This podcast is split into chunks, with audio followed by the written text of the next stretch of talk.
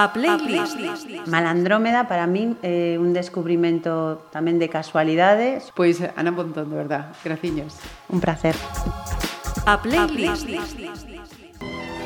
Don Tino Lores, bienvenido. Muchas gracias. Entonces decía, quizás no supe hablar cuando te vi. Iba cambiando y haciendo el movimiento. A playlist. Hola, saludos. Eh, tenemos una voz femenina esta vez en la playlist y además eh, una voz eh, con, con un acento que, que encandila desde el segundo uno. Romina 12, bienvenida. Hola, muchas gracias. ¿Veis? Llevaba razón. Eh, los que trabajamos en, en los medios de comunicación eh, ro- eh, conocemos a, a Romina pues del día a día, ¿no? De, de esta producción. Eres eh, parte de la empresa Producciones eh, Mutantes Sí, y mm, profesionalmente, mm, ¿cómo te llamamos? ¿Productora? profesionalmente soy productora audiovisual. Eh, aunque bueno, eh, siempre desempeñamos eh, bueno, pues bastantes labores, ¿no? Pero bueno, profesionalmente soy productora audiovisual. Y seguramente mm, habrá quien diga, bueno, ¿y, y exactamente qué hace una productora audiovisual? Pues una productora audiovisual es la que se encarga de gestionar todas, eh, todas las eh, cuestiones referentes a un rodaje, eh, tanto antes de la grabación, en la grabación y luego también en la postproducción. Pues nos dedicamos a todo, desde la, o sea, la- buscar todo lo necesario. Si necesitamos actores, actores. Si necesitamos localizaciones, pues localizaciones. Eh, técnicos, eh, necesito un iluminador, necesito un sonidista, necesito un diseñador gráfico. Gestionamos todo eso. El tema de, de, no sé, de contratos, permisos, eh, presupuestos, facturas. Bueno, yo hago un poquito de todo. De todo, de todo, efectivamente. Tienes que lidiar con muchos, con muchísimos frentes. Eh, decía Romina 12 y de segundo apellido Blanco. Romina 12 Blanco. Eh, lógicamente, por, por ese acento que nos eh, traes, nacida en Pontevedra, no eres. no, no, no, no. Nací en Buenos Aires, en, en Quilmes, en el año 82. Y, y bueno, eh, mi familia, mis abuelos son, bueno, eran en su mayoría gallegos, de Pollo, de Meaño y de Orense. Entonces, Mira bueno, tú que mezcla pollo, meaño y orense. O sea que por parte, por ambas partes. te- Claro, tenían- sí. Pues mira, mis dos abuelas eran de pollo. De hecho, vivían una enfrente de la otra. Mi abuela materna y paterna. Y claro, cuando fueron para Argentina, una con 25 años y otra con 16, claro, cuando llegaron ahí se encontraron, porque al no tener familia, los gallegos, como bueno, de todas las nacionalidades se juntan, ¿no? Entre Ajá. los que, los que son del mismo sitio. Y nada, pues se casaron, eh, cada una, bueno, pues mi abuela Lina con, con mi abuelo, el de Orense, y, y mi abuela Carmen, pues con el de Meaño, en concreto de Simes. Eh, mi abuelo. Rodolfo y mi abuelo Emiliano. Y Espera, nada. espera, Lina sí, se casó Lina con- eh, Emiliano. Con Emiliano y, Sí. Car- y Y Carmen con Rodolfo. Rodolfo. Ajá. Exactamente. Y bueno, pues tuvieron una relación, eh, al- claro, al no tener abuelos, al no tener tíos, al no tener hermanos allá, pues eh, las familias se hacen pues con, con los amigos, digamos, ¿no?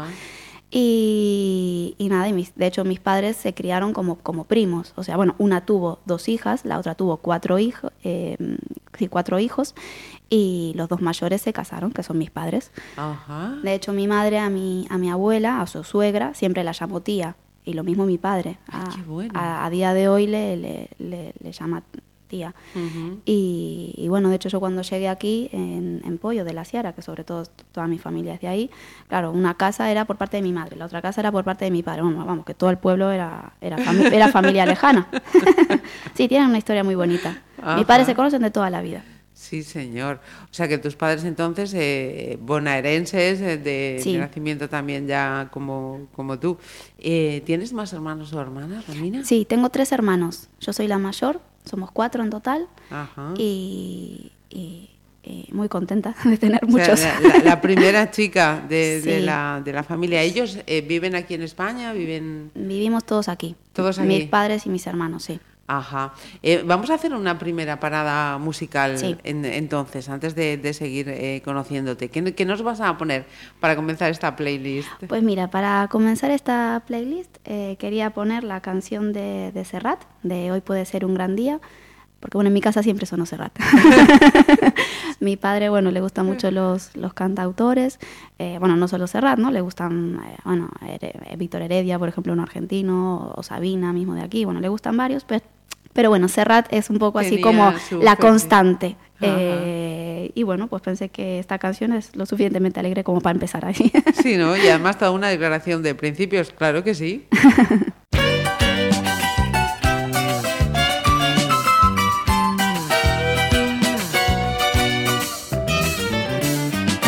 Hoy puede ser un gran día, plantéatelo así. Aprovechar lo que pase de largo depende en parte de ti. Dale el día libre a la experiencia para comenzar. Y recíbelo como si fuera fiesta de guardar. No consientas que se esfume, asómate y consume la vida granel. Hoy puede ser un gran día, duro con él.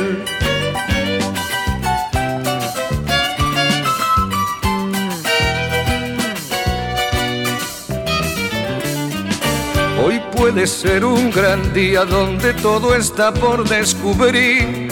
Si lo empleas como el último que te toca vivir. Saca de paseo a tus instintos y ventílalos al sol. Y no dosifiques los placeres si puedes derróchalos. Si la rutina te aplasta, dile que ya basta de mediocridad. Hoy puede ser un gran día, date una oportunidad.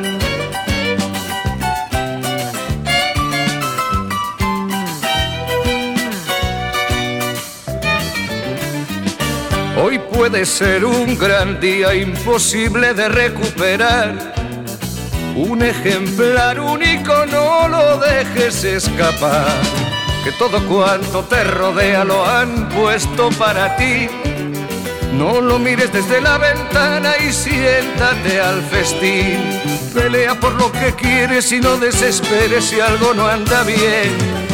Hoy puede ser un gran día y mañana también.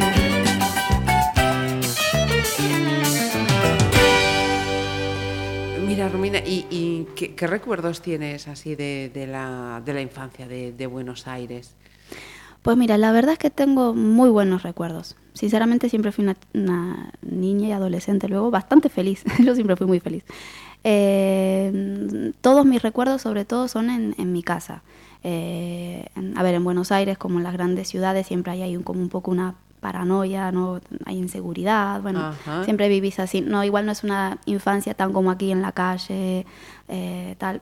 Pero bueno, eh, recuerdo sobre todo pues estar siempre jugando en el jardín de mi casa con mis hermanos eh, bueno con mi familia evidentemente y bueno los los recuerdos así que tengo de la infancia más bonitos eran en los veranos Ajá. cuando venía mi familia de, de la Patagonia Ah, eh, sí, tengo una tía, eh, bueno, a- a- antes también estaba mi tío, y dos primas eh, que venían, hubo una temporada que venían todos los años en verano por, por Navidad, claro, en Argentina las Navidades son en verano. en verano. Entonces era, bueno, el momento en que terminan las clases, empieza el verano, vienen las Navidades, vienen mis primas, bueno, era un subidón. Era todo una- claro, de- claro, claro, era el momento top del año. Ajá.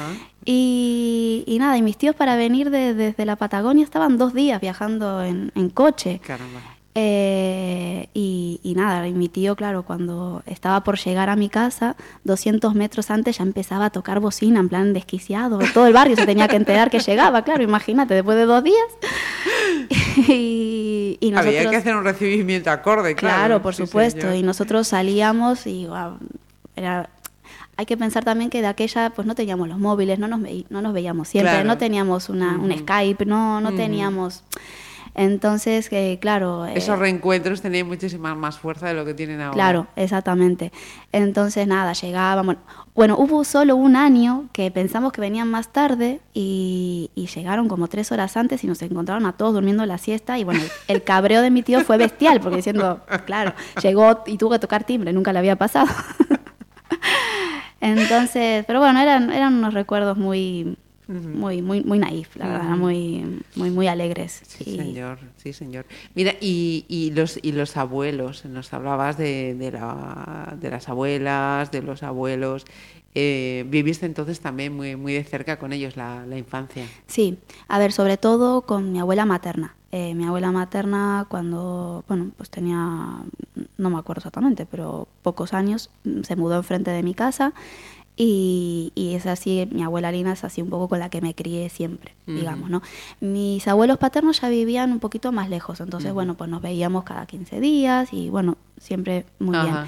Mis abuelos, lamentablemente, pues fallecieron así pronto. Demasiado pronto. Claro, pero aún así mantengo muy buenos recuerdos de ellos, la verdad. Mira, ¿y tus padres eh, a, a qué se dedicaban? Pues mira, mi madre con cuatro hijos, la pobre ya tenía bastante con nosotros.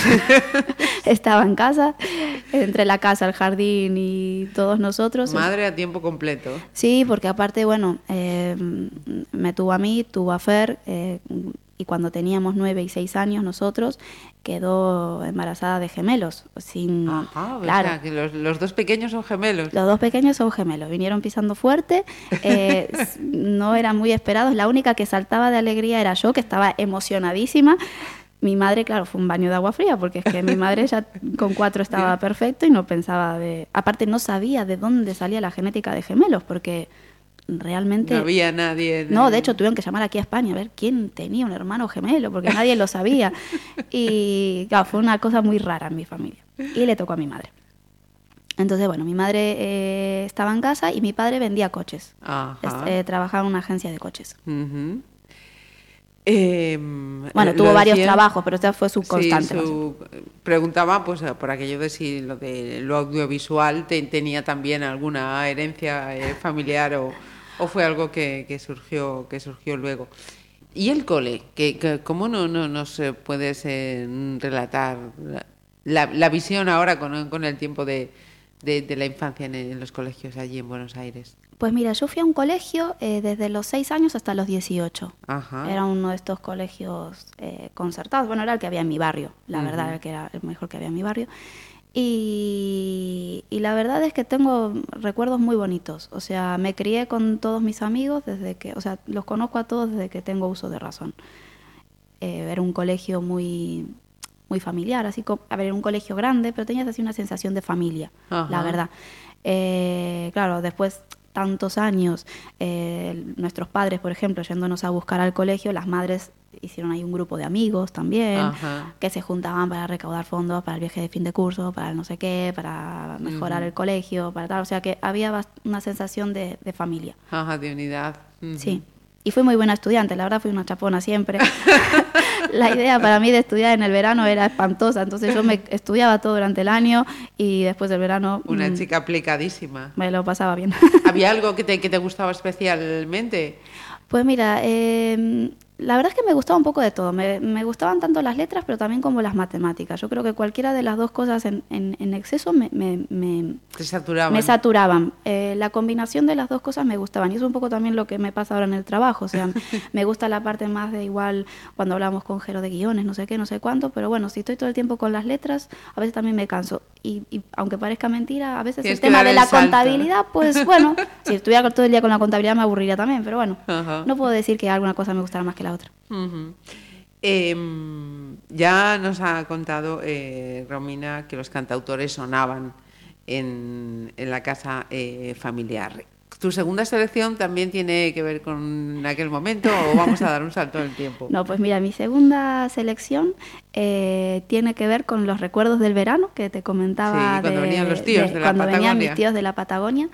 Eh, que bueno, en esa, ese momento de, de alegría extrema íbamos a dar paseos apenas llegaban. Solíamos ir al río de Quilmes, Ah, que era una zona donde mm, solía inundarse bastante cuando había sudestadas o llovía un poquito, se inundaba. Entonces siempre dábamos paseos, eh, íbamos en dos coches.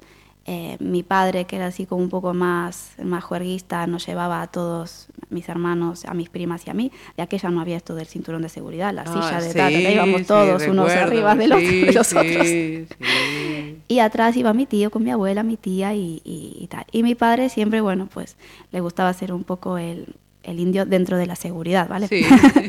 Y como siempre había grandes charcos, eh, de- del río cuando había sudestadas o, crecía o lo que fuera, siempre nos hacía subir las ventanillas y con el coche nos decía, preparados, tal, y hacíamos olas con el coche y le gritábamos a la gente. Bueno, lo pasábamos muy bien. Y uno de esos días ahí de, de tope alegría, eh, nos encontramos en el río con un concierto de, de una banda, me imagino que sería tributo, porque no, no los conocía nadie, la verdad. Era Una banda eh, mexicana, que de hecho sé el nombre de la banda porque lo busqué por, por a, raíz de que vengo aquí. Ajá. Eh, la banda se llamaba Los Ton Tips, que eran mexicanos, y estaban mm, tocando la canción de Popotito.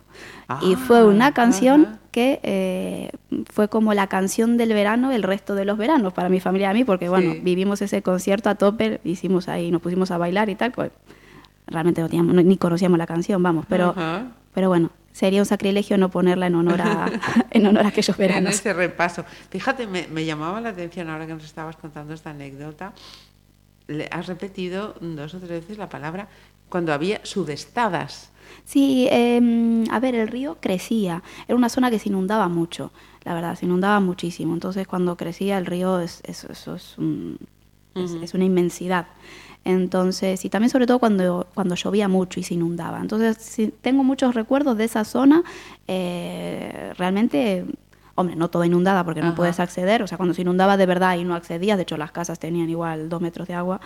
eh, pero, pero bueno, sí que recuerdo eh, agua siempre Sí, sí, eh, sí, al-. En, en la calle y mi padre las aprovechaba para hacernos reír un rato.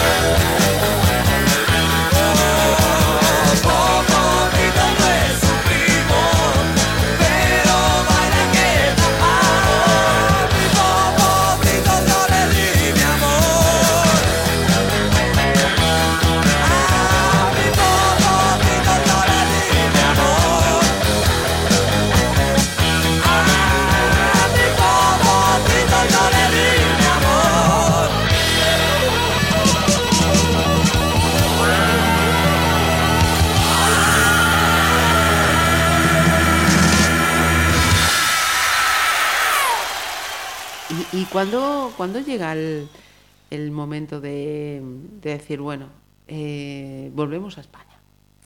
Pues, a ver, en mi familia siempre una, hubo una constante, eh, o sea, Galicia siempre estuvo presente. Mis abuelos eh, fueron, bueno, unos padres que siempre inculcaron mucho, eh, bueno, les hablaban mucho de su tierra, les hablaban, sobre todo en la familia de mi padre, mi abuelo, mi abuelo Rodolfo con mi padre, que siempre tuvieron muy buena relación, siempre le estaba hablando y siempre tenía esa morriña y tal. Y mi padre era una- un enamorado de Galicia sin haber venido nunca. Eh, mi madre, pues evidentemente también, pero bueno, eh, cuando ellos se casan, vienen a- aquí a trabajar. Ellos se casan, vienen aquí, están bueno, unos días de, de- de vacaciones, de, luna de miel, digamos, en las Islas Canarias y eh, nada, pues luego vienen a trabajar aquí a Galicia y están trabajando aquí y hacen temporadas también en Suiza. Ajá. Estuvieron tres años eh, trabajando aquí y luego, bueno, pues decidieron volver. A mi madre le tiraba también sobre todo la familia, bueno, a mi padre evidentemente también, y, y deciden volver, hacer su casa allí y tal. Pero bueno, siempre le- les quedó ahí el run run de, de- de volver. Y yo creo que me crié con, con esa idea de que, yo creo que siempre supe en mi interior de que algún día acabaría aquí. Ajá. Hubo varios intentos eh, a lo largo de mi infancia. De, mi padre, de hecho, en el 96 vino, incluso había visto colegios, había visto pisos y tal. Luego, al final, bueno, pues es muy difícil, Ajá, sí. es muy difícil irse de un sitio. Eh, entonces, bueno, pues al final eh, vi- vine cuando tenía 19 años. Eh, vine cuando tenía 19 años. Mi- Mira, no te he preguntado, sí, sí que te había mm, eh, preguntado por los abuelos, pero tu padre y tu madre, ¿cómo, cómo se llaman? Pues mi padre se llama Benito y mi, mari- y mi madre Mari. O sea, que Benito y Mari, la, la primera vez que, que ven España, lo primero que ven son entonces las Islas Canarias. Sí, yo creo que eh, um, sí, sí, tuvieron que haber ido ahí. O sea, yo sé que fueron de luna de miel a las Canarias y luego vinieron aquí a A Galicia. Galicia. Y, y te comentaron eh, eh, cómo fue esa primera sensación de cuando por primera vez vinieron aquí a la tierra de, de sus padres. A ver, fue una mezcla encontrada, porque por un lado, claro, le ponen cara a un montón de gente que llevaban escuchando mucho tiempo. Toda la vida. Claro. Eh, por ejemplo, cuentan con mucho cariño cuando fueron al, al pueblo de Orense por primera vez, porque mi abuelo, bueno, de aquella pues no se había ido en los mejores términos con la familia, y claro, fueron al pueblo de Tulle, que para llegar ahí les costó la madre de Dios llegar ahí, que ni el bus llegaba, o sea, fue una, una odisea, eh, con la maleta y todo, bueno. Y claro, llegaban y no, se- no sabían muy bien qué se iban a encontrar. Y encontraron una familia que, bueno, les abrió los brazos, no, le abrieron su casa y, y casi que les obligan a quedarse a vivir ahí. que, claro, entonces, bueno, cuentan con mucho cariño pues el reencuentro con esa gente, ¿no? Cómo conocieron a, a mis bisabuelos, a sus abuelos. Eh, pero bueno, sí que hablaban también del choque eh, de, de- de- de la, la diferencia, ¿no? Veían pues una Galicia muy rural, muy... claro, veían un- eh, un- comparado con Buenos Claro, Aires en aquella época. Porque también Buenos Aires ahora no es lo que, no es lo que era, pero bueno, quiero decir que comparado con aquella época fue un choque. Ajá. Fue un choque. A mi padre yo creo que en el fondo le daba todo igual porque le encantaba todo. A mi madre le costaba un poquito más. Vienes con, con, 19, con 19 años, pero me, me- me imagino que, que una chica, me imagino no, la experiencia no nos da a todos esa, esa visión. Con 19 años, con 18 años, una ya tiene, pues eso, sus arraigos, sus, sus amistades, sus perspectivas. Eh, Sí. ¿Cómo es ese, ese momento en el que te dicen, os dicen, eh, chicos, hay que hacer las, las maletas? Eh, profundo rechazo. Soy una adolescente, era feliz, vale, pero era una adolescente, tampoco se lo puse muy fácil. Estoy pensando, no sé si lo has visto, ese anuncio que hay en televisión ahora de la familia que se cambia y las, las dos niñas. No me Sí, quiero ir, sí, estoy sí, en sí, sí, con sí, esta sí, sí, casa. sí. Pues me acaba de venir esa, esa imagen. No sé si fue también una Sí, cosa sí, así. sí, sí, sí, fue un, te- fue un tema, ¿eh? yo creo que fui la que se lo puse más difícil, la verdad. Eh, porque bueno, a ver, tenía mis amigos de toda la vida, eh, estaba en segundo de carrera de comunicación, eh, tenía novio de aquella, mi primer novio, claro, era- a ver, no era fácil, Eh, pero bueno, realmente mis padres eh, tomaron la decisión sobre todo por una cuestión de, de- de seguridad. O sea, ellos lo hicieron por, por, por sus hijos, no lo hicieron Ajá, por ellos. claro. Pero creo que por ellos hubiese sido más cómodo quedarse hasta cierto punto. Pero, pero bueno, la sensación térmica que había en la calle era de era incómoda, o sea, que- eh, ujú. había muchos atracos, había mucha violencia, todos nosotros habíamos vivido si- situaciones mm, bastante de, sí, de, de robos desagradables, eh, te, Ujú. te intentan entrar en tu casa y, y después las dinámicas del día a día, o Ajá. sea, eh, entrar en tu casa con el coche, pues eh, puede ser una película. Porque hay gente que está esperando, la gente que, bueno, pues entra en sus casas para y meterse en ese momento y entrar a robar. Entonces em, hay, hay como paranoia, ¿no? Hay quien apaga las luces del coche 200 metros antes para que nadie los vea entrar. Hay quien, pues, no sé, tiene las luces encendidas por tal. Hay quien, claro, ahí es, Sí. es una... Una- una alerta constante. Claro, que conste que... somos capaces de vivir eh, bajo cualquier condiciones y, y yo me hubiese quedado. Pero bueno, sí es cierto que, claro, como padre, Ajá, todo, todo cambia. claro. Vamos a hacer otra paradita, Romina. Sí, Cuéntanos. eh, pues mira, en toda esta parte de, de infancia y tal, bueno, eh, hablé de Serrat, por, muy influenciado por mi padre, pero bueno, también mi madre escuchaba música en casa, eh, mi madre escuchaba de todo, era más, eh, Sí. escuchaba música disco de los 70, escuchaba música negra, escuchaba música brasilera. Ella cuando estaba ahí pila y tenía muchas ganas de hacer cosas, porque mi madre era muy inquieta, pues ponía la música, nos levantaba a todos ahí y, tal. y bueno, y yo creo que la- lo tuve que haber escuchado por ella, porque era la que ponía música así. Eh, descubrí la Creedence, Ah, que fue para mí la primera eh, banda favorita, digamos. Eh, a mí me gusta mucho bailar, la verdad. Y, y bueno, la, con la Creedence, cuando todavía no me dejaban ir a bailar y nos juntábamos en mi casa con, con mis amigas, pues lo bailábamos todo el tiempo, nos hacíamos nuestras propias coreografías. Cuando no estaban ellas, bailaba con la puerta del armario, con la puerta de la nevera, con lo que hiciera falta, porque la verdad que a mí me gustaba mucho bailar. Y, y bueno, hay mil canciones de la Creedence, pero bueno, eh, seleccioné una, la de Traveling Band.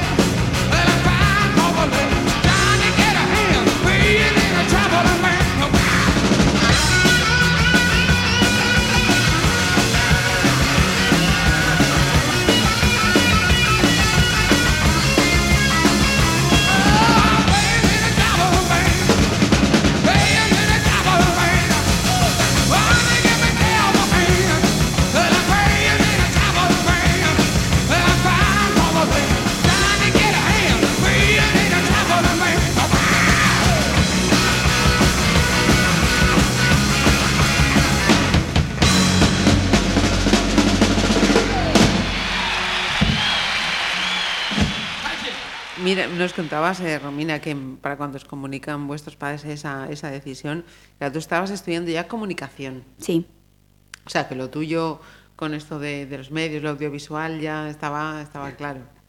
Pues sí, la verdad es que la, la primera revelación que tuve con el tema de la profesión eh, no, no tiene nada de, de- de glamour. Hay gente que escuchas revelaciones profesionales y son como tope cultas. La mía fue viendo Superman. Eh, Lois Lane era Claro, era periodista. periodista. Y siendo muy pequeñita dije, es que me gusta hacer eso, la verdad, quería hacer eso. Y, y bueno, la verdad es que de hecho creo que es la única profesión como tal que, que, que recuerdo que quería hacer. Ajá. Eh, y nada, pues estudié, empecé a estudiar comunicación y me iba bastante, bastante bien, la verdad, ya te dije, era una chapona. Eh, y bueno, eh, al final luego cuando vine, eh, claro, yo había estudiado dos años, entonces Ajá. estudiando dos años no tenés ni, una, ni un título de una diplomatura, ni tenés nada, entonces lo de la universidad no te sirve para nada. Eh, mi bachiller, yo tenía muy buena nota, porque aparte justo en Argentina la nota de corte es con un 7 Ujú. para aprobar, entonces tenía muy buena media, pero cuando convalidas un título de fuera, eh, te lo convalidan con la nota mínima, con un 5. Caramba. Claro, entonces yo cuando vine aquí, claro, con un 5 no entraba en ningún lado. Empecé a estudiar eh, cuando llegué el ciclo, eh, perdón, el ingreso para menores de 25 años por la UNED, pero de aquella es como que había ahí, mm, no quedaba claro el temario, de hecho me habían dado un te- había ido a una academia, me habían dado un temario de hacía como tres años, no les quedaba muy claro lo que iba a entrar ese año, claro, era una carga de estudio bastante grande, era como un bachiller entero, digamos, Claro. y la, y la convocatoria de ese examen era dentro de unos meses. Y los profesores muy amablemente me dijeron, mira, es que no vas a ser capaz de, de- de- De dar con todo". de dar con todo esto. Eh, yo aún así seguí un poco, pero perdida, hasta que descubrí la formación profesional, eh, que era algo que no, no conocía. En Argentina o estudias una carrera o, o tampoco Ujú. tenés muchas más opciones. Opciones. Ajá. Entonces mi idea era estudiar un ciclo superior para así conseguir una media y seguir comunicación, que siempre fue mi, la- Sí, mi meta, tu digamos. objetivo, sí, sí. Claro. Pero bueno, al final eh, terminé producción audiovisual, me picó bastante el tema del audiovisual y, y empecé a trabajar. Siempre empecé a Ah. trabajar. Cuando iba a estudiar al final, pues eh, me quedé sin trabajo. Luego al final, bueno, la vida te fue llevando y me quedé, me quedé en, producción. Eh, y- iremos, iremos por ahí, pero quería Sí, volver un poquito más para de- atrás. Sí, sí, porque quería preguntarte también. Decías, yo era muy estudiosa, muy tal, sacaba buenas notas. Pero, ¿y, y cómo se divertía una, una adolescente, una chica de, pues eso, 16, 17, 18 años en Buenos Aires? Pues mira, eh, muy sanote. Era muy, muy, muy, muy... A ver, como te decía antes, eh, me crié con mis amigos de toda la vida, eh, mm, todos conocíamos a las familias. Mi casa era una casa donde venían casi todos, siempre. Ujú. Era una casa donde siempre... Había gente. Sí, siempre había gente, la verdad. Eh, mi madre siempre pues hacía pues una pasta frola o hacía un budín o hacía algo o tal y, y a- para rabia de mis hermanos venían mis amigos y se la comían antes que ellos. Entonces, bueno, pues teníamos mucha costumbre de juntarnos en casas, tomar mates y hablar, escuchar música. Eh, bueno, también salíamos, evidentemente. Ajá. Eh, salíamos a bailar y tal, pero bueno, siendo así más eh, jovencita, tipo menor de 17 años, eh, salía una vez cada tres semanas. Era así como mi madre era muy estricta. Fui la primera también la que tuvo que abrir el El camino. ahí. camino hacia atrás, la chica abriendo el camino a los que vienen detrás. Pero bueno, a mí me gustaba, me gustaba mucho andar en bicicleta, me gustaba mucho salir, o sea, caminaba, daba paseos con mis amigas. eh, mm, Nos juntábamos en casa, tomábamos mate, salíamos a bailar, eh, íbamos al cine también. eh, a ver, mm, yo no vivía en el centro de Quilmes, vivía en un barrio, pero bueno, cogía la bicicleta y siempre llevaba atrás alguna de, de mis amigas y nos íbamos para, para el centro. Me, gustaba mucho la bicicleta. La bicicleta en mi casa siempre también fue algo muy de tradición, ¿no? Todos cuando cumplíamos seis años, mi padre nos regalaba una bicicleta y nos enseñaba a andar en bicicleta. Y, y luego los sábados íbamos todos a, a dar un paseo para que mi madre pobre descansara un poco de todos nosotros. el momento respiro para, para, esa, para esa madre, para Mari. Eh, Mari, ¿verdad? Sí, Pues Mari. bien. Eh, vamos, a, vamos a hacer otra, otra parada a este, a este Sí, momento. Pues eh, seleccioné una canción, porque bueno, hasta que tenía, bueno, pues 10 años, 11 más o menos, 12, pues escuchaba lo que, lo que te comenté, ¿no? Lo que escuchaba que mi madre y lo que escuchaba mi padre, de aquella no había internet y tal, pero yo empecé a escuchar la radio, la Rock and Pop, es una radio argentina que me gustaba mucho, o sea, por mí, lo que la música, el descubrimiento de la música por mí fue cuando puse la Rock and Pop, que era una radio que me divertía mucho porque los locutores eran, la verdad, muy graciosos y ponían rock. eh, creo, o sea, recuerdo sobre todo rock nacional, rock argentino. Ajá. Y, y bueno, son canciones que me traen a mi, a mi adolescencia, o sea, Fito Páez, Charlie García, Soda Stereo. Cuando iba a bailar pues, no ponían tanto esa música, la, pero, pero bueno, en mi casa, eh, cuando estaba yo en casa tomando el sol o haciendo mis cosas, ponía la rock and pop. Entonces seleccioné una, una canción que es así como muy, un himno muy adolescente en Argentina, todo el mundo lo, lo escucha, que es de Charlie García, eh, Demoliendo Hoteles, que es así como un himno adolescente, digamos.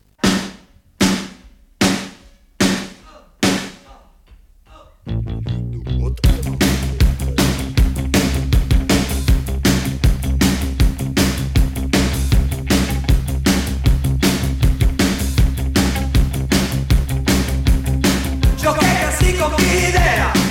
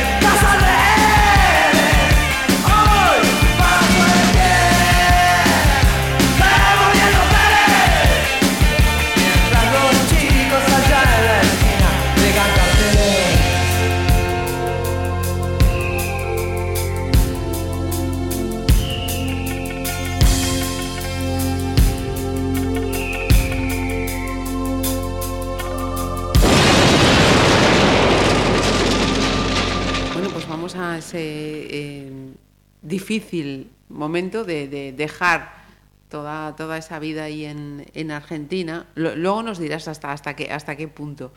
Eh, y, y- y venirse. El- ese momento viaje, ¿cómo, cómo, cómo fue? Pues ese momento viaje, eh, mm, yo creo que como todo adolescente empieza por un rechazo. Eh, o sea, mis padres estaban vendiendo las cosas de la casa, ¿no? Un día no había una lámpara, otro día no había tal, porque claro, estábamos vendiendo todo, pero yo seguía yendo a la universidad y aprobando exámenes. O sea, era un poco... Seguías en tus sí, tareas. Sí, seguía en, en mi, en, en mi película. Eh, pero bueno, eh, luego finalmente, pues nada, evidentemente hay un momento en que tenés que cortar. Estuve tres, no- tres días sin dormir, cada, eh, las últimas tres noches, cada día lo pasaba en casa de un amigo y claro, yo tenía la sensación de que no podía perder el tiempo durmiendo, eso era una tontería. Eh, y nada, pues estuve con amigos, la verdad. Mm, De hecho, mis amigos est- estuvieron bastante en mi casa hasta el último momento. Todo mi grupo ahí de éramos ocho o nueve, entre chicas y chicos. Y, y fue muy bonito, la verdad, fue muy, muy cariñoso.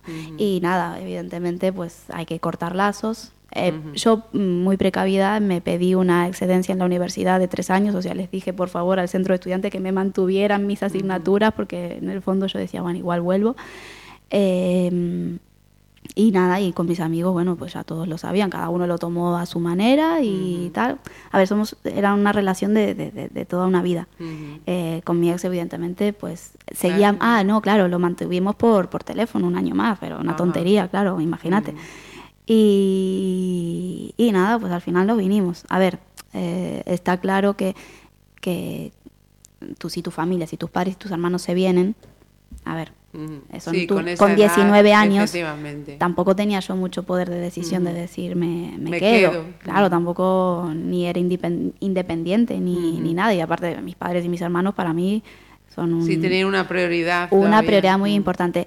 Eh, uno de los mayores golpes en esa época fue que mi abuela, con la que vivía enfrente de mi casa, mi abuela Lina, eh, nada, pues ella decidió irse a la Patagonia con, con mi otra tía. Entonces, claro, para nosotros que realmente estábamos acostumbrados a vivir eh, con Claro. ella, fue, fue duro separarse. Eh, claro. Para nosotros y para ella. Pero bueno, eh, como todo, pues al principio se pasa mal, porque quien dice que no miente. Pero Sí, bueno, La herida está ahí, pero luego poco a poco va. Después hay fases, a ver, al principio como adolescente que era, pues te irrita todo, eh, todo, o sea, te comes una galletita y te, te revienta porque te acordás del sabor de la de, de tu casa o tal. Luego al final pues esas tonterías mm, tal y te, y te da pena la gente. Eh, te da pena la gente, te da pena tal. Mm, De todas formas yo recuerdo un momento que ya había pasado un año y seguía ahí hundida en mis lamentos y me recuerdo verme ahí como quien mira a otra persona y decir, ay Dios mío, qué patético. Eh, de verdad, eh, hasta aquí, Sí, sí. hasta aquí. Y ese día eh, yo tenía de aquel, en, en la- por aquel entonces tenía tres relojes más o menos, había cambiado evidentemente la hora en dos de ellos, pero había un reloj en el que no había sido capaz de cambiar la hora, seguía teniendo la hora de Buenos Aires, porque era como tener mi piecito ahí, ¿no? Digamos. Sí. Eh, y, y bueno, ese día dije, pues se acabó. Pues le cambió la hora, que estaba mal, de hecho, porque con tanto hora para arriba, hora para abajo, por el cambio horario tampoco era ni siquiera la hora, yo creo, ya dije, bueno, mira, ya está. Hasta aquí, hasta aquí llegamos. Y me centré un poco más en mi vida aquí. Porque también de aquella, eh, claro, no, no había WhatsApp, no había nada. Entonces, por ejemplo, eh, me mm, o sea, hablaba con mis Ya. amigos, o sea, si llamaba por teléfono, me gastaba un dineral. O sea, recuerdo una vez cansarme tal, llamar a mi amiga, 60 euros que había pagado. Ajá. Y era una barbaridad. Entonces nos comunicábamos por mail con, con mis amigos. Eh, nos comunicábamos por mail. Y claro, eh, tampoco tenía internet en casa al, al principio. Entonces, claro, era, yo vivía en Lourido, era irme de Lourido a Pontevedra, ir a un ciber, descargarme todos los, los mails, porque si me pasaba toda la tarde en el Claro. ciber, pues tampoco tenía dinero de aquella, ¿no? Pues venga, luego vuelta para casa, contestar a todo el mundo. Es que, claro, estaba realmente, si me paraba a pensar, ¿no? O sea, luego me iba con un, pen- con un disquete de aquella a mi Sí. casa, con todos los mails. Yo les contestaba a uno a uno, a todos mis amigos. Luego, al día siguiente, volvía, bajaba Al desde el Ourido al ciber para mandarlos a todos. Claro que mi vida era seguir manteniendo contacto con gente que, que llega un momento que decís... Sí, que eh, te olvidas de vivir el momento presente. Exactamente, y decís, no, a ver, no, eso lo hice sobre todo el- el- al principio, ¿no? Después de un año no seguía haciendo Sí. esa vida, pero bueno, sí es cierto que no es que nunca quise cortar lazos, para nada, Ajá. pero sí que llega un momento que tenés que intentar Sí, estar eh, desfragmentar un poco, Claro. Porque es que si no, no, no, no, no das un paso para adelante. Sí, sí. Eh, y bueno, Sobre todo con los medios que había en aquel momento, lógicamente. Si esa situación la pones a día de hoy, hubiera sido totalmente diferente, lógico. Claro, a día de hoy eh, es otro tema. A día de hoy es cualquier cosa, mandas un vídeo, mira, estoy aquí, me acordé, mira, no sé, es otra comunicación. Sí, sí, sí. Pero de aquellas me llevaba mucho tiempo Sí, sí. y mucho esfuerzo también. Entonces dije, me no. imagino, me imagino. Mira, y, y, y cuando ves el Lourido por primera vez, Pues mira, cuando vi Lourido por primera vez, eh, fue una sensación muy agridulce porque por un lado me encantó, pero por otro lado, claro, yo llegué el día de San Juan y estaban todas Ah, las hogueras de San sí. Juan. Entonces dije, guau, qué bonito. O sea, guau, qué bonito primero ver el mar. Eh, A ver, y justo el Lobrido, que tampoco es que sea la playa más bonita, pero bueno, yo vengo de- del río de Quilmes. que- Claro, que sí, tampoco, el cambio. claro, sí. el cambio, o sea, Galicia es que es, es de ensueño, ¿no? Digamos. Eh, y me encantó. Y me encantó ver las hogueras y todo, pero por otro lado me sentí muy triste porque, claro, dije yo, es que no tengo amigos. Si tendría que ser una hoguera, estaba yo sola ahí. y, y dije, entonces fue una sensación así agridulce. O sea, me encantó, me encantó, porque aparte dije, qué noche bonita. Recuerdo a mi abuela hablarme de, la- de las noches de, de San Juan, aparte mi abuela de pollo, eh, que es el, el festivo. eh, pero bueno, recuerdo así esa sensación. Pero bueno, nada, al siguiente San Juan ya estaba yo. Ya con- estaba, vamos. Tenías hoguera, amigos y, y todo lo necesario para disfrutarlo. Sí. Claro que sí. Venga, vamos a ponerle una banda sonora a este momento. Pues sí, a ver, cuando llegué al año y medio más o menos, Yo, bueno, en ese tiempo pues seguía escuchando así un poquito la música que más o menos eh, hablé antes, Eh, pero bueno, empecé a estudiar, al final em, empecé a estudiar producción audiovisual y en el momento de, en que me subí al autobús conocí ahí enseguida una chica que iba con su Walkman escuchando a Tom Waits, eh, que fue una banda sonora que, que- que escuché una hora y media todas las mañanas, porque me hice, hice muy buenas amigas con ella, entonces ella siempre me daba un auricular y íbamos las dos escuchando. Y, y bueno, es un, es, yo creo que es una de la, el- una, un cantante que me viene así como primer recuerdo de algo de aquí esa de, España. Eh, la canción se llama I Don't Wanna Grow Up y, y es de Tom Waits.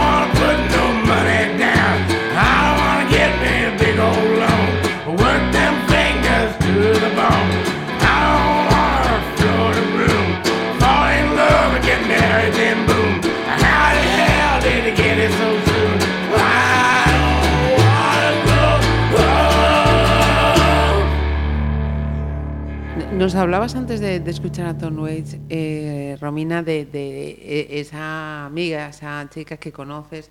Eh, de- ¿Te costó mucho hacer, crear ese, ese círculo de, de amistades? No, la verdad es que no.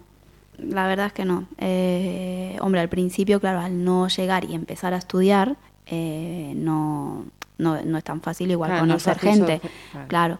Pero, pero no, un día así conocí a, a una chica, eh, que- a Ire, que aún es, es, eh, amiga mía a día de hoy. Y nada, congeniamos muy bien. Fue así como la primera. A ver, conocí gente antes, Sí. pero bueno, fue la primera con la que conecté a nivel amistad. Eh, y, y nada, pues le expliqué pues que no conocía así mucha gente y tal. Y, y ella me dijo: Ah, no, pues no te preocupes. Yo te- yo te- Aquí estoy para yo que te, yo te presento a, toda mi pandilla y, y nada. Y yo la verdad es que, eh, a ver, a mí siempre me gustó eh, fomentar la amistad, ¿no? Pero bueno, he de decir que para mí Pontevedra siempre fue un sitio en el que me abrió, me abrió los, me, me- abrió los brazos y conocí gente, la verdad, eh, encantadora. Em, ¿Terminas producción au- audiovisual entonces? Sí. ¿Esto fue en qué año? Ay, pues eh, creo que en el 2004 empecé, en el 2006. Dos- 2006. Perfecto. Sí. ¿Y mm, tu primer trabajo? Pues mira, eh, yo estudié producción eh, y al, cuando acabé em, estuve trabajando mientras buscaba trabajo de lo mío. Empecé, eh, empecé a trabajar una, una temporada en un parque de, de bolas, cuidando niños, tal, por, mientras encontraba algo de lo mío. Y luego empecé a trabajar en una productora audiovisual de Moania y estuve ahí un año y medio eh, como, como productora. Luego al final, pues nada, pues eh, no, no les concedieron subvenciones, eh, bueno, perdieron ahí varias líneas de financiación, fueron reduciendo, reduciendo plantillas, perdón, y, y bueno, pues eh, me quedé sin trabajo. He de decir que ahí no voy a no voy a decir el digo el, el pecado no el pecador mi jefe pues me jugó ahí una que no me gustó mucho me picó y dije yo bueno yo a todo esto ya en el ciclo había conocido a, a Jero primero como amigo eh, y luego al año siguiente pues fuimos pareja Ajá. eh, él estudió realización, que es el ciclo, digamos, que se complementa así directamente con producción. Y mientras yo estaba en la productora, él siempre estaba, vamos a, vamos a montar algo, hagamos algo por nuestra cuenta y tal, no sé qué, venga. Y yo no lo terminaba de ver claro porque decía, a ver, vamos a ver, tenemos 20, de aquella tenía 21 años, no tengo dinero, no conozco a nadie, o sea, montar una empresa es muy bonito, pero vamos a ver, vamos a, a- a centrarnos. Pero bueno, ahí con ese, bueno, con esta relación que tuve con mi jefe, me picó un poquito cuando me quedé sin trabajo y dije, bueno, pues si él pudo, yo Allá también. voy. Y, y bueno, ya habíamos hecho, mientras estaba trabajando en la productora, alguna, algún trabajito, Heavy Show juntos y tal, algún taller infantil y tal, con una cámara de un amigo que, que nos había prestado. Y bueno, mientras tanto yo había ido ahorrando, él también había ahorrado algo. Y bueno, con el dinero que yo tenía para comprarme mi primer coche, dije, pues allá vamos. Me- nos compramos una cámara y, y empezamos. Empezamos. Eh, acaba de aparecer una persona por la que te quería eh, preguntar y pasar también a la parte personal. Así Sí. que vamos a ponerle una pausa musical Sí. y hablamos de, de Jero y, y de la parte también personal de, de Romina. Eh, pues, pues mira, sí, eh, elegí una canción de los Foo Fighters. Bueno, yo hasta ahora eh, mm, tenía, bueno, pues la cultura eh, musical que tenía, pero bueno, en el momento en que lo conocí a él fue como, bueno, hay una explosión de, ¿no conoces esta banda? Bueno, bueno, ¿no conoces esta otra? Y, y- y, bueno, me puso cientos de bandas, cientos de videoclips, me, me aturullaba la cabeza las, las cosas como son. Pero bueno, hay una, he de decir que me descubrió bandas que me encantan. Una de ellas es los Foo Fighters. eh, es una de mis bandas favoritas. Pero bueno, esta canción me, me- me recuerda un poco a esa época, ¿no? Es la canción de, de Best of You. I've got another confession to make.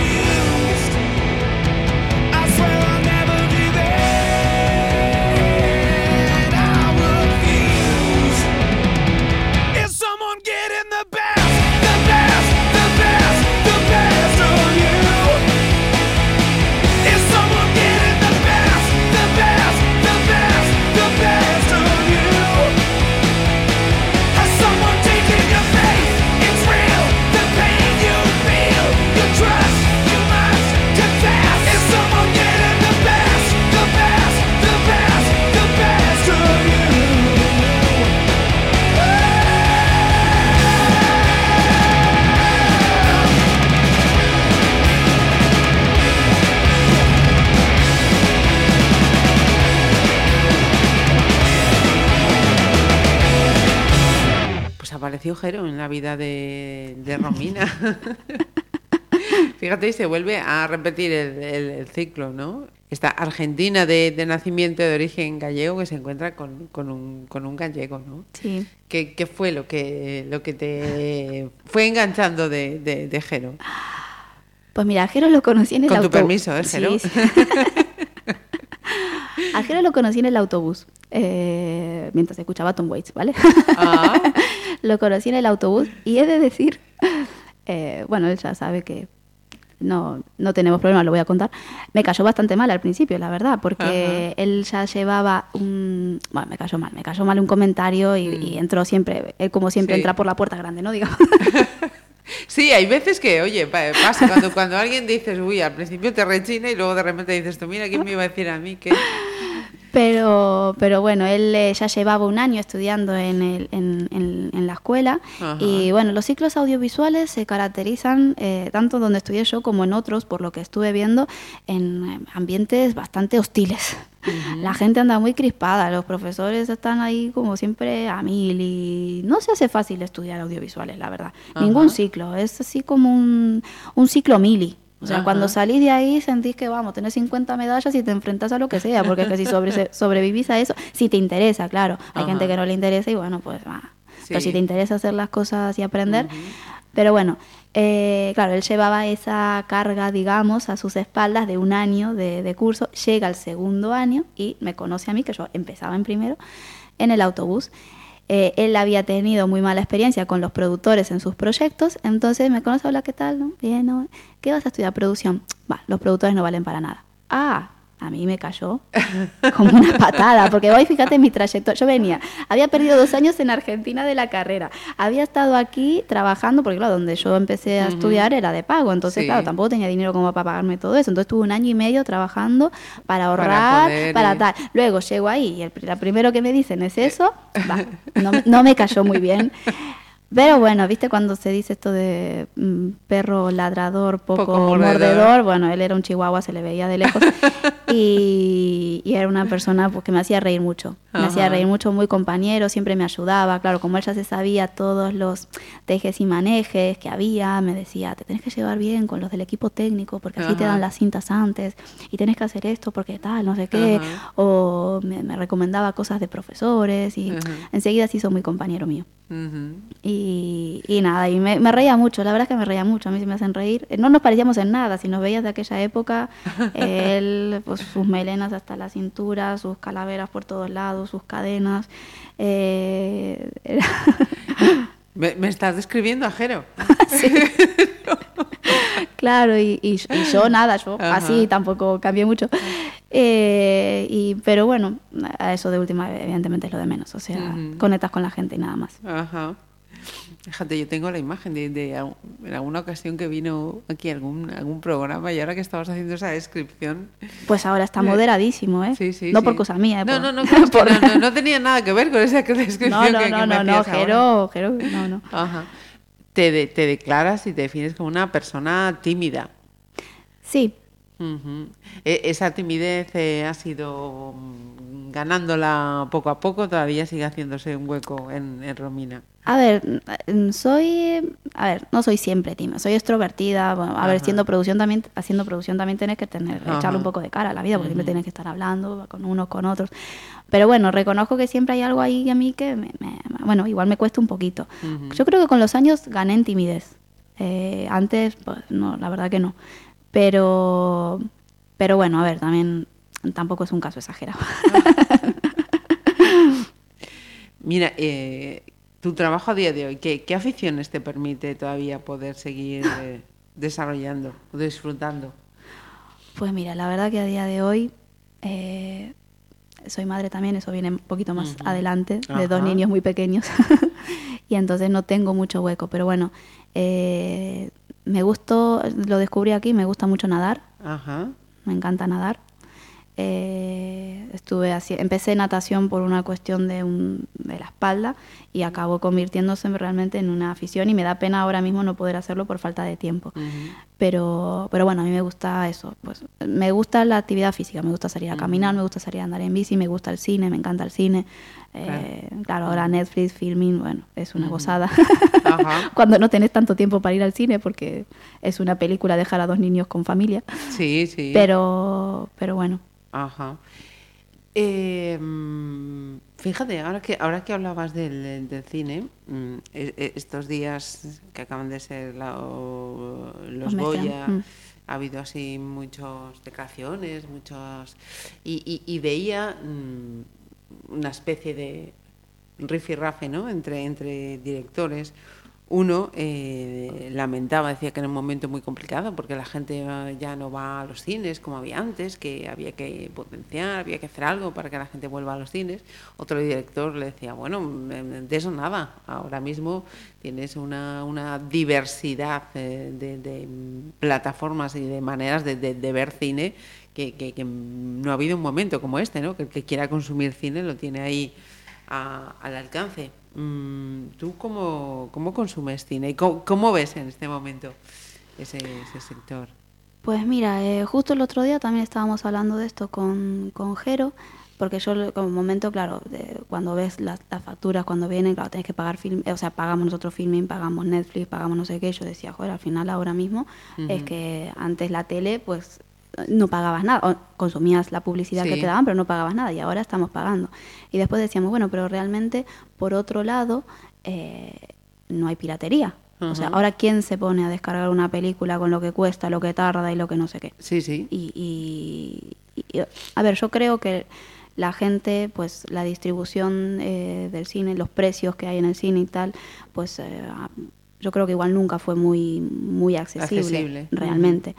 Eh, y ahora, bueno, pues con estas nuevas plataformas, pues tenemos una cantidad de contenidos de una calidad ex- exquisita. Mm, Yo como profesional de una industria creo que es positiva porque hay, hay mucha producción. Eh, igual no aquí directamente eh, en Galicia donde estamos, pero bueno, esto generó mucha, mucha, mucha producción y, y- y sobre todo eh, yo creo que la legalizó bastante. Ujú. Momento de música, venga. vale, ahora, vale, ya estamos en Producciones Mutantes, eh, con nuestra primera cámara.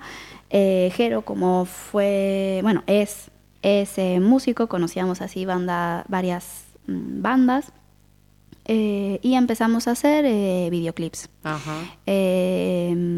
Entonces, bueno, hay uno eh, que le tenemos especial cariño, que fue el, el- el primero. Eh, bueno, no fue exactamente el primero, fue el segundo, pero el primero no, no, el segundo fue con el que quedamos muy contentos, que fue de nuestros amigos eh, los Blind Kraus. Eh, en su día el videoclip que hicimos, eh, Wrong Decisions, fue un videoclip que la verdad nosotros quedamos muy contentos, salió muy bien, nos habían seleccionado en el Festival de Orense y bueno, fue un poquito el que nos metió ahí el germen de seguir, de seguir haciendo este tipo de piezas. Y nada, no pongo esa canción, pongo la de Loco Chamanes de los video, de los Blind Kraus porque están promocionando el nuevo disco, también les acabamos de hacer videoclips y bueno, pues le mandamos ahí un cariñito a ellos que los queremos mucho.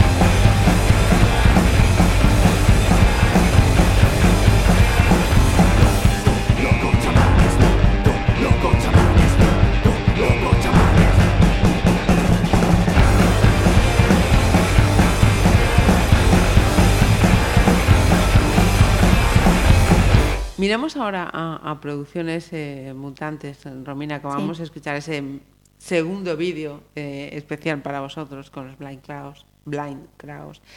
Eh, pero sí, sí que es cierto que eh, una vez más nos encontramos con jóvenes que en ese momento complicado económico en, en España, la crisis, de repente decís o dar ese valiente paso, decir, bueno, venga, abrimos nuestra, nuestro negocio, nuestro proyecto de, de futuro y allí vamos pese a viento y marea con todo lo que estaba cayendo.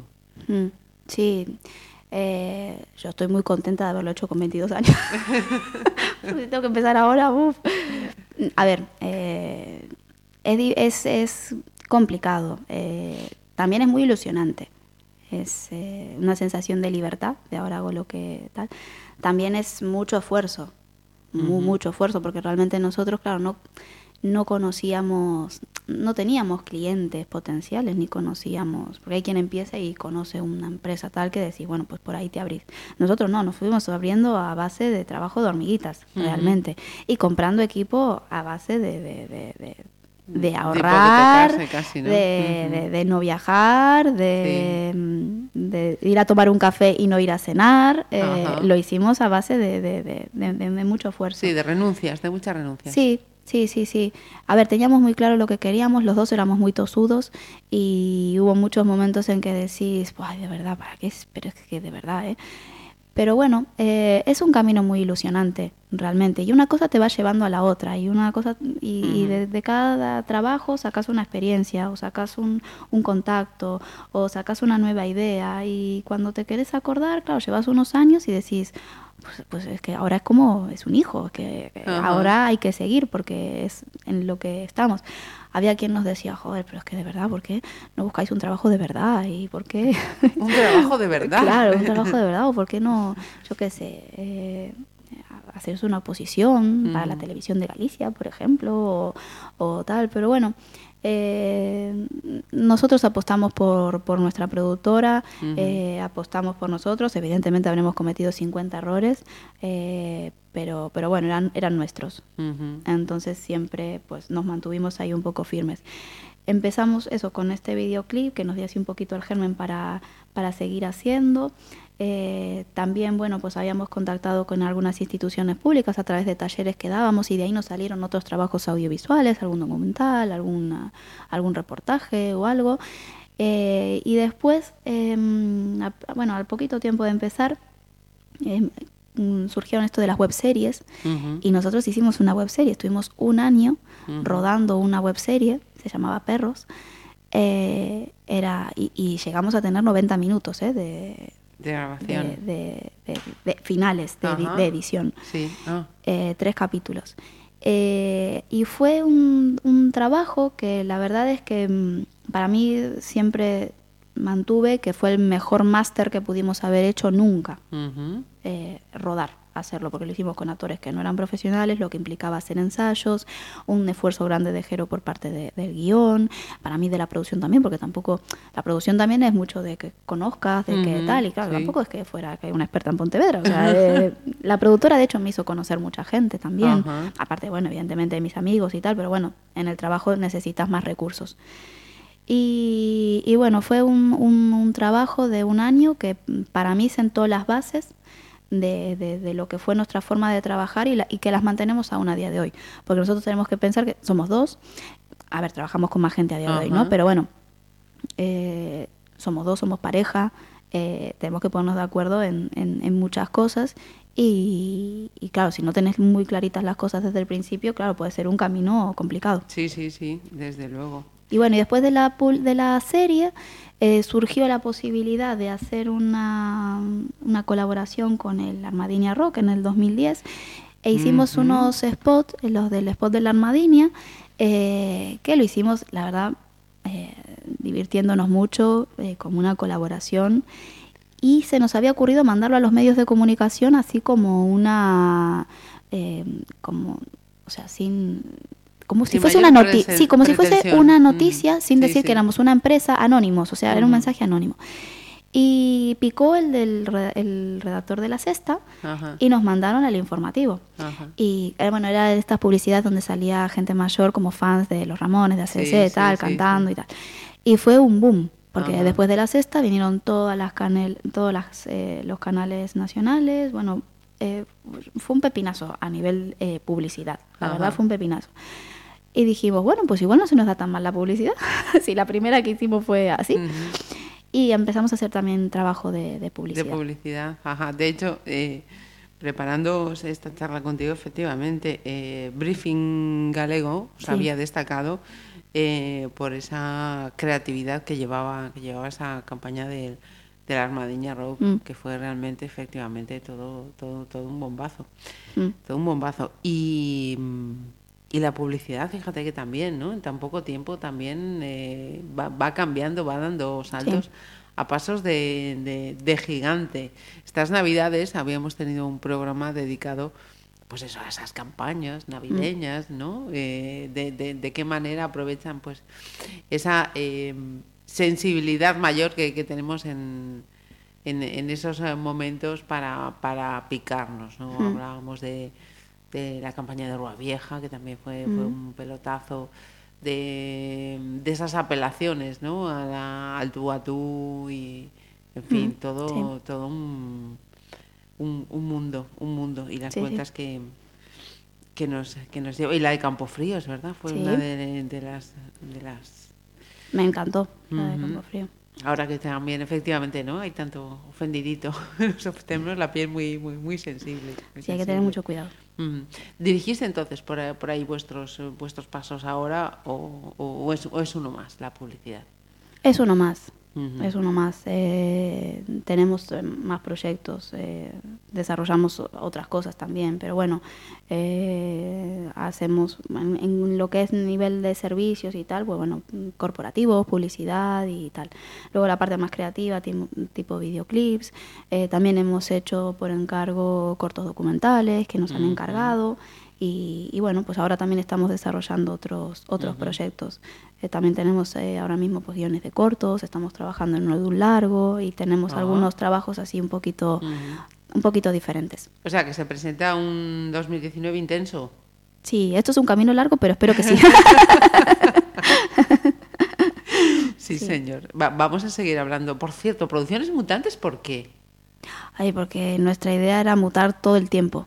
Eh, siempre tuvimos claro que, que, que, bueno, que esa sensación que decía antes, ¿no? De que qué es lo que te más te engancha de ser emprendedor a veces es el- la idea de, de- de esa libertad. O sea, de, a ver, libertad. Evidentemente cuando tengo clientes, cuando tengo unos plazos, cuando tengo tal, no soy como un pajarillo que va ahí libre y hace lo que le da la gana. Pero bueno, sí que cuando es tu proyecto, siempre tenés esa sensación de libertad de, de- de- de pe- permitirte soñar. Ajá, sí señor, eso, eso está bien. Vamos a poner otra, otra de tus selecciones. Pues mira, esta es una canción eh, que seleccioné de los Black Rebel. Eh, es una canción que, bueno, fuimos a un, creo que fue en el 2013, eh, fue, fuimos al festival de, de Benicassin eh, con pases de, de prensa, porque Jero de aquella escribía en una revista, La Wonder, y había conseguido un pase de prensa y de fotógrafo. Y como nosotros llevamos todo el año trabajando mucho, cargando la cámara, cargando los focos, cargando no sé qué, no sé cuánto, de- la sola idea de pensar ir al Mediterráneo cargando la cámara, Ajá. dije no. Entonces nos fuimos con una cámara desechable y carretes. Y, y bueno, fuimos a todos los, a todos los conciertos de- del FIT de ese año. Eh, vi en directo muchas bandas que me encantaron, pero hubo una en, en concreto que, que- que me encantó, porque eh, fui- estaba parte en el foso, eh, las tres primeras canciones, y, en el momento en que, en que salieron fue como un muro de sonido que la verdad que me dejó impactada, me, en- me encantó. Y también es una canción como fin de una etapa, fue el último verano, digamos, eh, de... mm, yo en mi interior teníamos la idea, siempre soñamos la idea de formar una familia, no sé qué, tal. Entonces, bueno, ese verano en, en mi interior sentía que iba a ser el último verano de, De la pareja. Jero, Romy y Producciones Mutantes. Nuestro, nuestro triángulo iba a ser Ajá. ese año. Y, y nada, pues la canción que, que me encantó fue la de Let the Day Begin, eh, de los Black Rebel. Y, y bueno, pues significó eso para mí.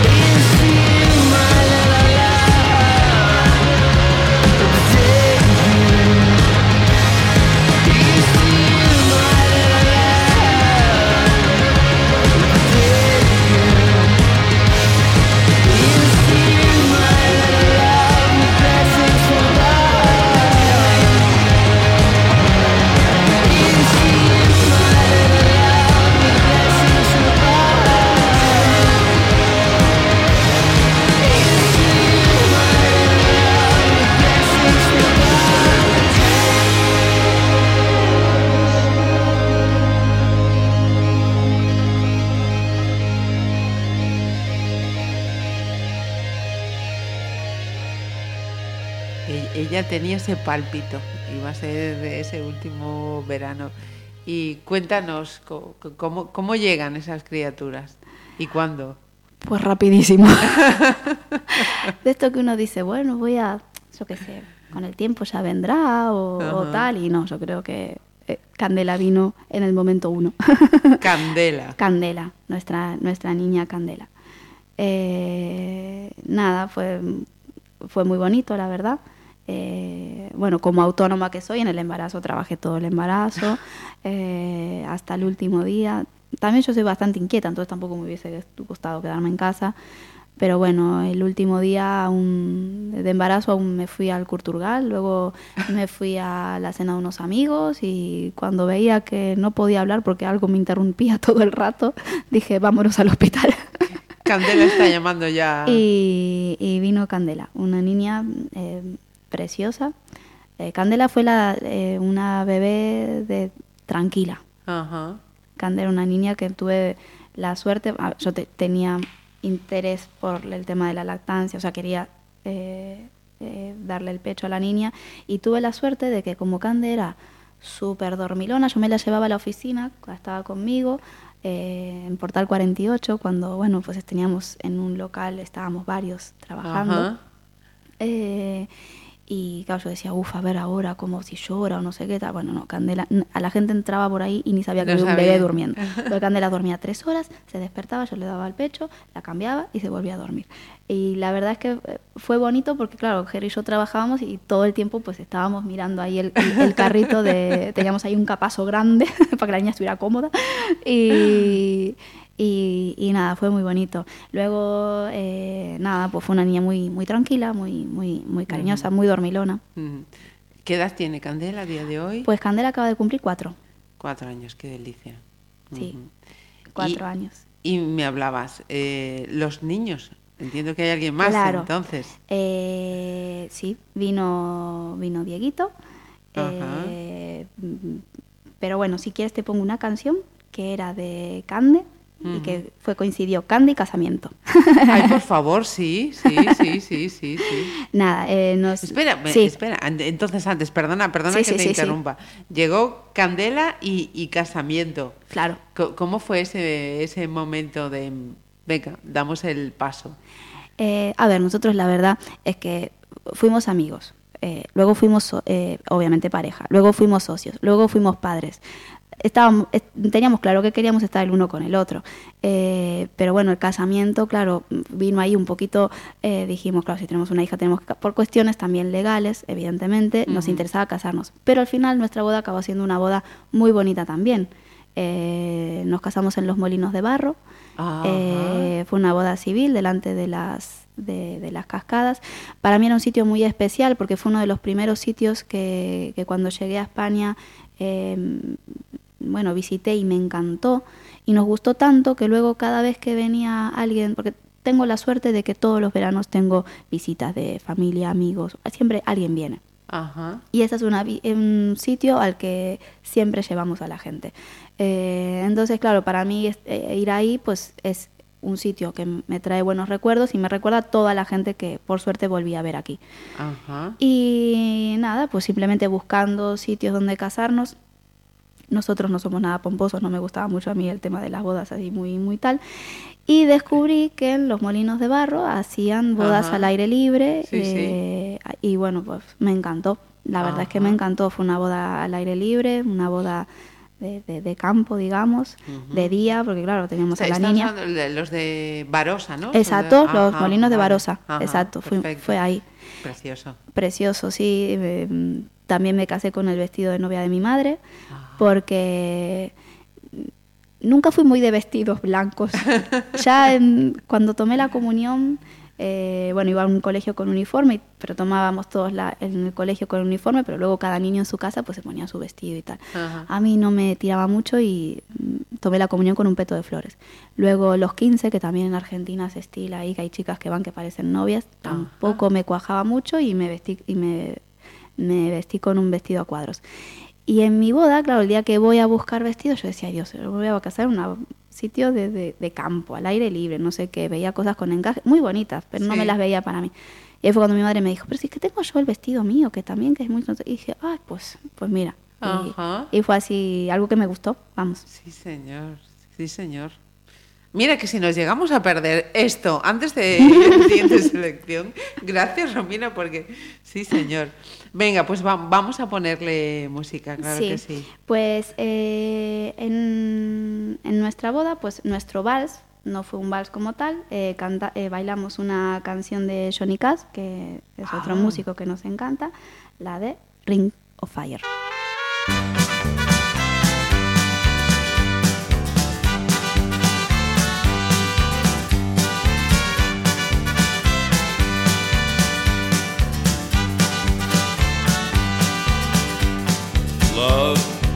Is a burning thing,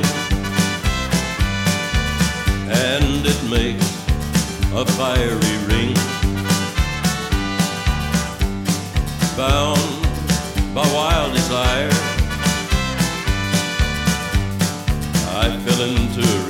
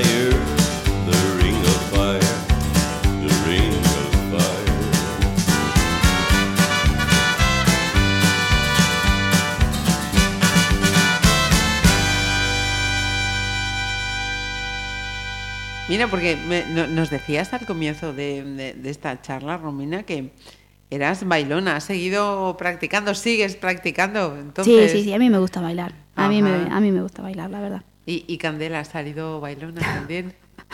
Pues mira, Candela es una artista nata. Ella, ella lo lleva dentro, lo lleva dentro. Ella canta, aparte, cosas que le surgen en el día. Si ese día tiene un cumpleaños, ella empieza ahí, porque tengo ahí, de ahí un cumpleaños y estoy feliz, y, no- y- y- y se le va por ahí. Ajá. Y es muy curioso porque, a ver, en casa nos gusta mucho la música, pero realmente, claro, cuando estás con niños pequeños, a veces estar en casa con música, claro, si no los ves todo el tiempo, yo no pongo música porque no los escucho. Ajá. Entonces, pero ella tiene una... mm, Le, le tira el, el- el rock, de hecho. Un día íbamos por la calle y había unos gaiteros. Ajá. Y me decía, es que mamá, es que a mí me duelen los oídos. y yo le digo, pero ¿por qué? Es que a mí esta música, es que no, es que me duelen los oídos. Y, y yo nunca le dije nada, ¿eh? Sí, sí, sí, sí. y le digo, sí. pero Cande, ¿vos qué es lo que te gusta? Es que a mí me gusta el rock and roll. Y yo, y yo bueno, nada, pues Qué nada. grande. Sí, sí, pues nada. Y eso que tiene las tías que hicieron baile gallego toda la vida y que están deseosas de verla con sus vestidos de, de- Sí, de- sí. de baile gallego. Pero es que a la niña no, no, no. ¿Ha salido rockera? Le, le tira eso, le, le tira por ahí. Pero bueno, Sí, señor. Y Diego, cuéntanos también cómo llega. claro, ahí con Diego llega el rock and roll de verdad. Ah, la marcha. Sí, sí, sí, así como eh, Candela fue la niña trampa, ¿no? Eh, Candela era una niña muy muy tranquilita, muy dormilona. A ver, era un bebé, ¿no? A ver, te da tu trabajo, tampoco es que... Pero bueno, para ser un bebé era un bebé de, de- de sueño. Luego a medida que fue creciendo ya más rebeldilla el tema, pero bueno. eh, y Diego, no, Diego entró pisando fuerte, Diego. Diego Aquí estoy yo. Diego es, eh, a ver, es un niño divino, ¿eh? es un niño simpaticísimo, es un señor mayor. Él nació mayor. él va caminando por, nada, nada. Él va caminando por ahí con sus bracitos hacia atrás, como relojeando. Él va mirando ver qué es lo que puede hacer. Cuando se asoma una trastada, te mira con unos ojitos, de decir, con estos ojitos te engaño, pero no engaña a nadie. Pero es peleón, es, es, es peleón. No, no, no, no duerme mucho, por no decir nada. Ajá. Y, pero es muy divertido, la verdad que es muy divertido. Y es muy divertido ver también como dos niños tan diferentes, porque es, bueno, a ver, son hermanos, se pelean evidentemente, pero bueno, tienen una relación bonita y tiran el uno del otro. Ajá. Diego tiene ahora. Pues Diego tiene año, o sea, cumple dos en abril, Ay, qué bueno. o sea, tiene un añito y medio, un poco más. ¿Y, y cómo hacen dos eh, autónomos en el mundo audiovisual para conciliar? Pues con mucha ayuda familiar, mucha ayuda familiar. Por suerte siempre nos ayudaron mucho. Y tengo abuelas, tengo tíos, o sea, nunca me vino mejor el tema de las familias numerosas, ¿no? Porque cuando no puede uno, puede el otro, cuando no... Eh, Cande no fue a guardería y fue pues combinando la familia para poder eh, criarla y cuidarla. Eh, Diego ya este año sí lo metí en guardería porque se me hacía un poquito más difícil, no es lo mismo uno que dos. Que dos, lógicamente. Y aparte Diego, así como Cande era muy tranquila, muy dormilona y muy de, de- de tal, eh, Diego necesita marcha. Diego necesita estímulo, se le nota que es un niño que... que- que- que- y pensé que la guardería sería también una... Le vendría bien a él y, y- y bien. Y bien. Mira, nos decías también eh, eh, antes que, que, mm, todos los años eh, os viene alguien a, a visitar. Sí. Eh, ¿Has vuelto a Argentina? En- Pues mira, yo no volví todavía. La verdad es que todavía no volví. Eh, por un, o sea, al principio, pues mm, me daba cosa volver por esto de decir, ahora que estoy bien, no me apetece volver a tal. Tenía la suerte de que venía todo el mundo. Hubo un año que mm, tenía el dinero para ir, pero bueno, em, le habíamos prometido a mi amiga de toda la vida, Nati, que, que, que iba a venir algún día y al final vino ella con ese dinero. Eh, y luego después, desde que empecé con Producciones Mutantes, la verdad que eh, los trabajos te salen a veces de un día para otro, tenés Ajá. plazos. Em, siempre tengo un objetivo, un trípode, una luz que comprar. Em, claro, se hace más complicado y, y después también con los niños. Porque Claro, después con los niños, pues de hecho hubo un momento que me, me planteé y casi estuve ahí a punto, eh, pero claro, estaba dando el pecho a Cande. Sí, que, que siempre, siempre hay algo. Siempre hay algo y, y todavía, todavía no volví, pero lo haré. Mira, y mm, trabajar en, en Pontevedra, eh, no sé si he estado hablando pues con, con otros compañeros de- del sector, se, se tiene comentado, ¿e- ¿es más fácil por la cantidad de actividad cultural que, que- que tiene esta ciudad? Sí, sí, yo creo que Pontevedra es un sitio donde hay una programación, es una ciudad activa, es una ciudad que tiene mucha programación, es, es una ciudad donde están abiertos a, a- a, bueno, a fomentar el, el empleo local, digamos, eh, y abiertos a escuchar propuestas, entonces sinceramente creo que es un sitio muy cómodo donde trabajar. Y, y también esta mm, pregunta que lanzaba antes, mm, 2019 mm, se presenta como año muy intenso para producciones mutantes. Sí, sí, sí, sí. A ver, nosotros siempre, es- mm, a ver, hay momentos que tenemos mucha carga de trabajo y nos centramos sobre todo en sa- sacar el trabajo porque, bueno, nuestro, en- en una de nuestras necesidades es eh, cumplir plazos, ¿no?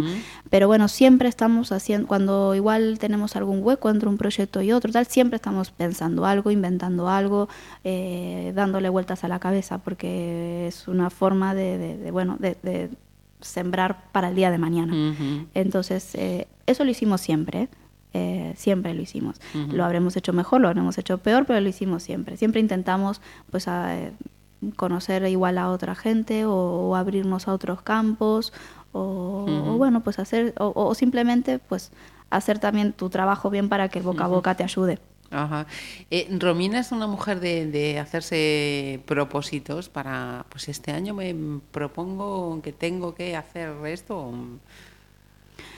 A ver, en- si sos emprendedor siempre tenés propósitos. Siempre tenés propósitos y tenés que pues te- tener la cabecita muy bien en su sitio por, por- por- por una cuestión de, de- economía de la empresa también. Eh, y siempre tengo, siempre tenemos propósitos. También es cierto que a la hora de desarrollar proyectos para nosotros a veces no es tan fácil eh, como decir em, esto lo hago de aquí a tres meses o lo hago de, hay también hay proyectos que hay que darle hay que darle un tiempo eh, pero bueno eh, sí sí como todos tenemos como todos tenemos propósitos ¿no? en, Nos en el ponemos. ámbito personal Sí. también. en el ámbito personal ahora mismo sobrevivir no mentira y poder dormir un poco no no mentira en el ámbito en el ámbito personal eh, estoy estoy muy muy contenta trabajamos mucho pero también eh, esta cosa de que todo el mundo te dice, los niños crecen muy rápido, aprovecharlos ahora, no sé qué, no sé cuánto. Mm, Yo cuando estoy con ellos, cuando estoy en mi familia, cuando estoy en mi casa, eh, aunque como todos tendremos momentos en los que pues se te va la cabeza al trabajo, te llaman por teléfono o estás pendiente de algo, tal. Sí. Pero bueno, aún así, eh, siempre tengo un esfuerzo mental de decir, estoy acá, estoy con ellos, quiero tenerlos, quiero Sí, grabarlos en, en mi, en mi retina y, y quiero que compartan conmigo. De hecho, también el ser madre, pues también te implica reducir un poco tu, tu jornada laboral, porque tampoco eh, un día porque tenés rodaje puedes llegar a las 8 de la noche y, y vale, pero cuando llegas a casa tienes un quilombo que, que cuidado. Entonces hay que... Eso en ese sentido, Jero y yo siempre priorizamos también, ¿no? Es, vale, los niños van a la mañana al colegio, van a la mañana a la guardería, si tenemos que trabajar, vale, algún día que quede con la familia bien, pero esforcémonos también Para a- sacarle tiempo para, estar para con ellos, sí. Pues eh, yo desde aquí te quiero agradecer también que hayas eh, sacado tiempo para dedicarnos este, este rato a este programa. Muchísimas gracias, Romina. Eh, ha sido de verdad un placer eh, tener ocasión de, conocerte. Eh, ¿Y con qué vamos a, poner la guinda a esta charla? Pues nada, te quiero agradecer a ti también por el trato. Pensé que no, pero me sentí muy a gusto. Sí, muchísimas gracias. Eh, Esa es la, esa es la intención. Esa es la Sí. intención. Y nada, como te dije ahora, eh, nada, en casa tenemos bastante rock and roll, eh, de verdad. Eh, y nada, pues últimamente también estamos escuchando a Queen porque a los chicos les gusta mucho y lo bailan tal. Y bueno, como a nuestros niños ahora, porque Cande era tranquila, pero ahora ya tien- despertó ahí también su carácter inquieto. Eh, entonces, como en casa ahora no los para nadie, decidimos acabar con Queen, con Don't Stop Me Now. Perfecto. Pues eh, Candela y- Diego, a disfrutarlo mucho. Muchísimas gracias, Romina. Muchas gracias a ti. Tonight I'm gonna have myself a real good time. I feel alive.